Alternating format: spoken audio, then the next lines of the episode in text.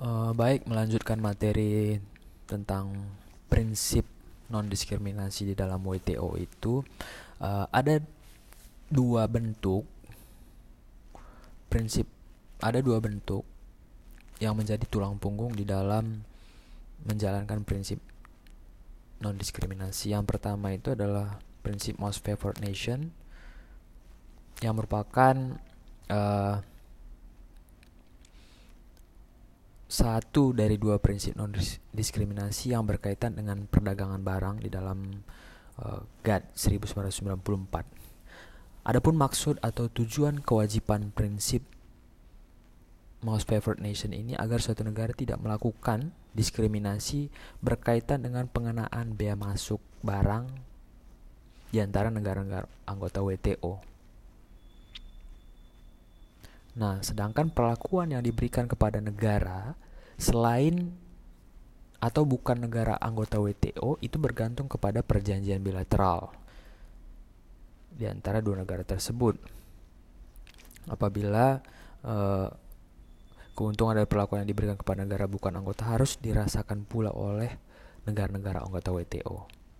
Nah, jadi uh, walaupun negara ne, suatu negara anggota WTO melakukan kerjasama dengan negara bukan anggota WTO, jangan uh, seharusnya atau sebisa mungkin jangan membedakan dengan aturan main daripada WTO itu. Nah, kalian bisa melihat kewajiban prinsip Mass Nation pada pasal 1 atau artikel 1 GAD 1994. Nah, dari artikel 1 ayat 1 bisa dilihat atau dapat disimpulkan ada empat kewajiban daripada negara anggota WTO. Yang pertama yaitu misalnya terkait dengan pengenaan tarif, ya kemudian nomor dua aturan dan formalitas ekspor dan impor, yaitu atau kewajiban yang menyangkut segala peraturan dan formalitas ekspor impor, kemudian pajak-pajak, dan regulasi internal di dalam bentuk peraturan-peraturan perundang-undangan nasional. Jadi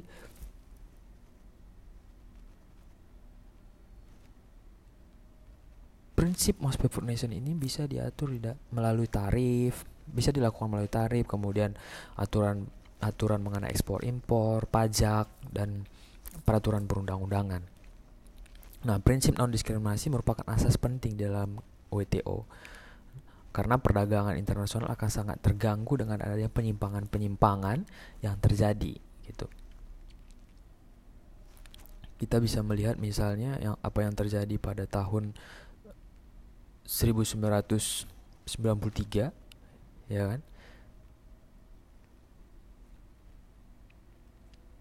Nah, itu adalah karakteristik dari kebijakan perdagangan yang proteksionisme yang dilakukan oleh banyak negara selama pada masa krisis tersebut.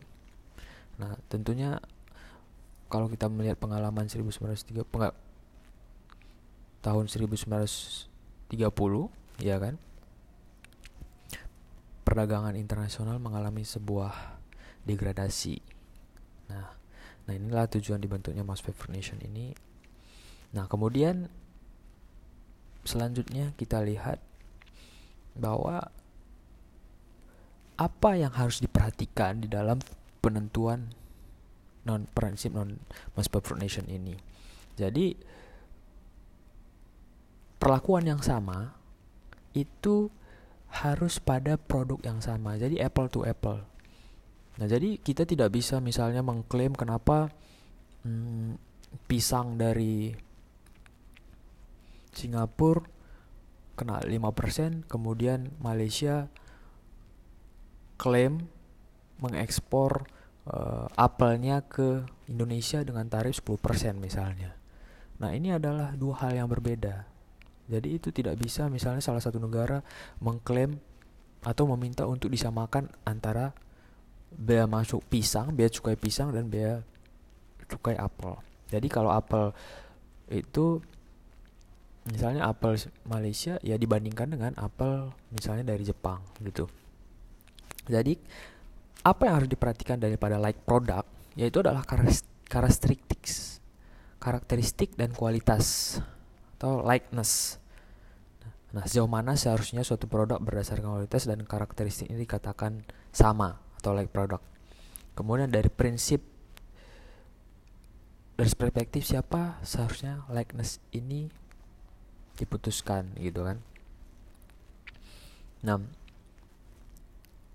ini misalnya pendapat daripada panel atau badan penyelesaian sengketa di WTO, mereka juga mengatakan bahwa penentuan daripada like produk itu harus mengacu kepada karakteristik barang tersebut. Kemudian penggunaan akhirnya. Kemudian kita lihat harus bandingkan juga dengan tarif tarif negara lain ter, ter, ter, eh, terhadap produk tersebut gitu kan. Nah, ini beberapa jadi tidak selamanya mouse paper nation itu harus diterapkan gitu kan. Jadi ada pengecualiannya juga.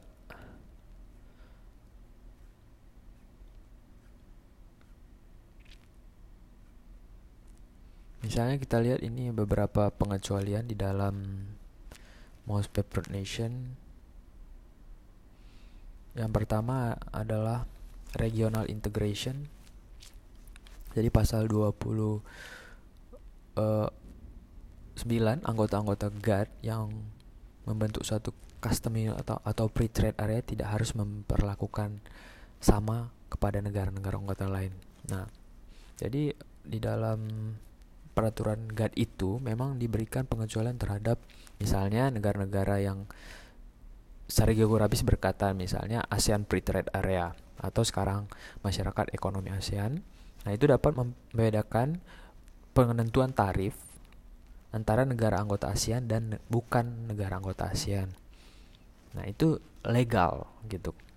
Sebenarnya bertentangan dengan prinsip prinsip non diskriminasi kalau kita lihat secara logika gitu kan.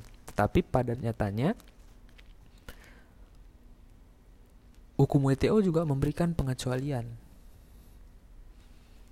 Karena memang untuk uh, pengecualian ini tujuannya adalah untuk mempersiapkan eh, wilayah-wilayah uh, yang misalnya dirasa belum mampu untuk mengikuti perdagangan yang dalam skala global.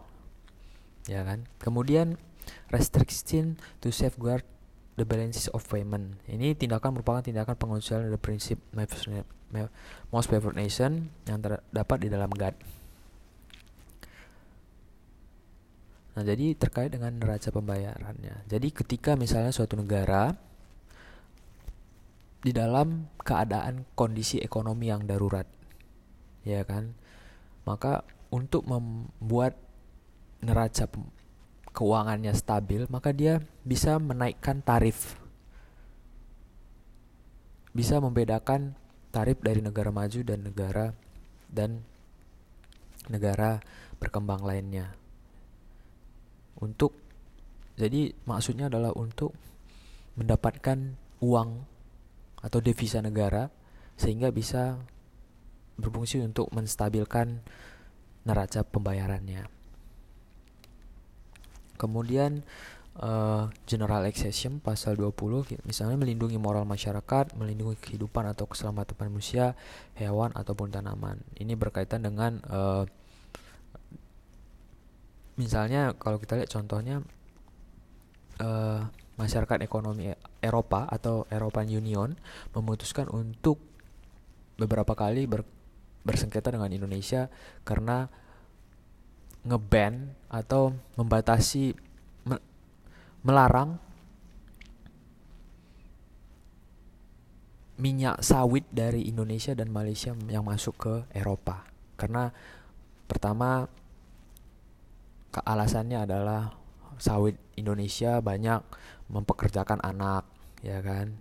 Kemudian cara penanaman dan uh, pembuatan produknya penanaman kemudian panennya itu tidak ramah lingkungan ya kan yang misalnya pembakaran hutan nah itu kemudian uh, menjadi general exception sehingga Eropa bisa misalnya sawit dari Indonesia tidak diterima, tapi sawit dari negara lain diterima di sana. Nah, itu kan bentuk diskriminasi.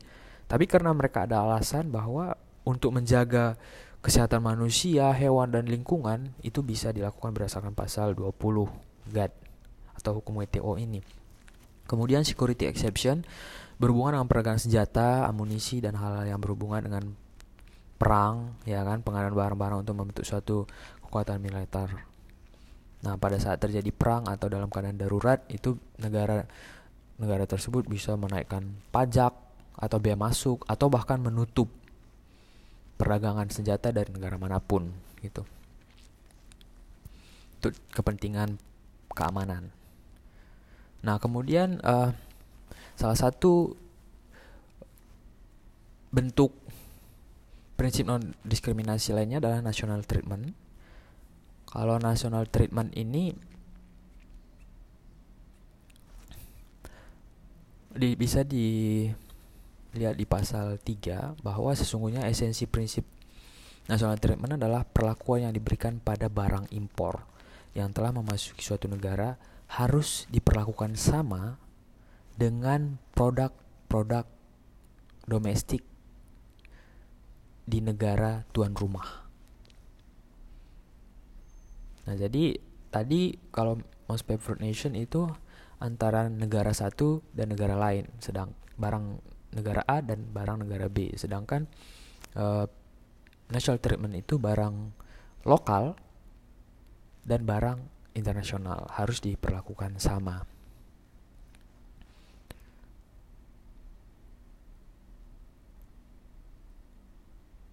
Ada beberapa unsur di dalam uh, national treatment ini sesuai yang disebutkan oleh Mosler dalam bukunya Mah Mul Siregar itu adanya kepentingan lebih dari satu negara kemudian kepentingan tersebut terletak di wilayah suatu yuridiksi suatu negara kemudian negara tuan rumah harus memberikan perlakuan sama baik terhadap kepentingan produk sendiri maupun kepentingan produk impor negara lain. Kemudian yang terakhir pemberlakuan yang diberikan tersebut tidak boleh menguntungkan negara tuan rumah tapi menimbulkan kerugian pada negara lain ya kan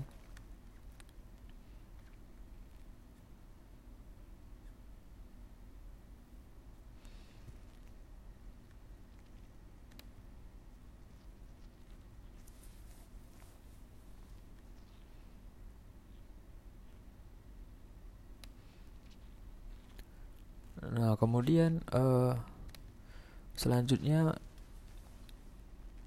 kita lihat bahwa ada prinsip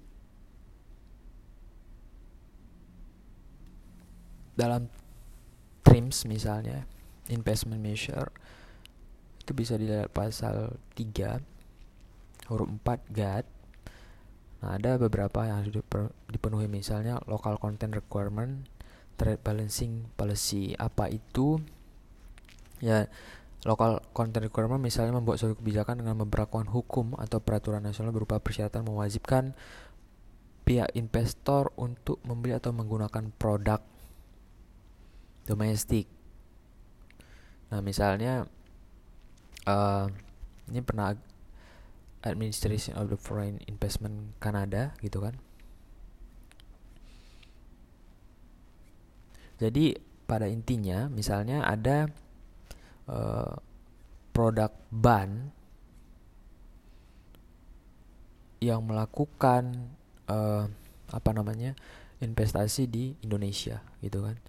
Tidak boleh misalnya semua bahannya itu dari luar tapi harus ada beberapa uh, yang dipergunakan. Nah misalnya akhir-akhir ini Samsung misalnya membangun pabriknya di Indonesia tetapi harus ada lo local content requirement. Jadi ada persyaratan bahwa harus menggunakan beberapa bahan-bahan dari Indonesia misalnya dari sistem tenaga kerja gitu kan. Kemudian kemudian trade balancing policy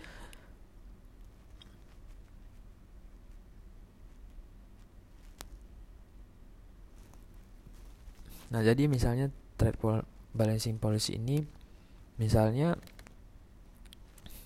ternyata bah bahan yang dibutuhkan di Indonesia di misalnya tadi Samsung bahan yang ada di Indonesia itu sudah tidak cukup untuk memenuhi bahan yang dibutuhkan oleh Samsung gitu kan. Maka dia bisa uh, melakukan impor dari luar misalnya dari negara Amerika gitu kan. Tapi syaratnya harus didatangkan oleh perusahaan yang bergerak di dalam perusahaan nasional yang bergerak dalam ekspor impor gitu. Nanti Samsung membeli kepada perusahaan nasional itu perusahaan lokal. Nah kemudian bisa juga secara langsung tetapi dibatasi jumlahnya gitu itu lokal apa namanya national treatment di dalam di bidang investasi nah mungkin ini dulu uh, yang dapat saya sampaikan untuk materi peraturan dagang pertemuan ke 6 atau minggu ke-6 ini. Nanti jangan lupa untuk melakukan ikut berperan aktif di dalam memberikan tanggapan terhadap isu yang akan menjadi topik diskusi di dalam forum kuliah online ini. Nah, terima kasih. Sampai di sini dulu materi tentang non diskriminasi.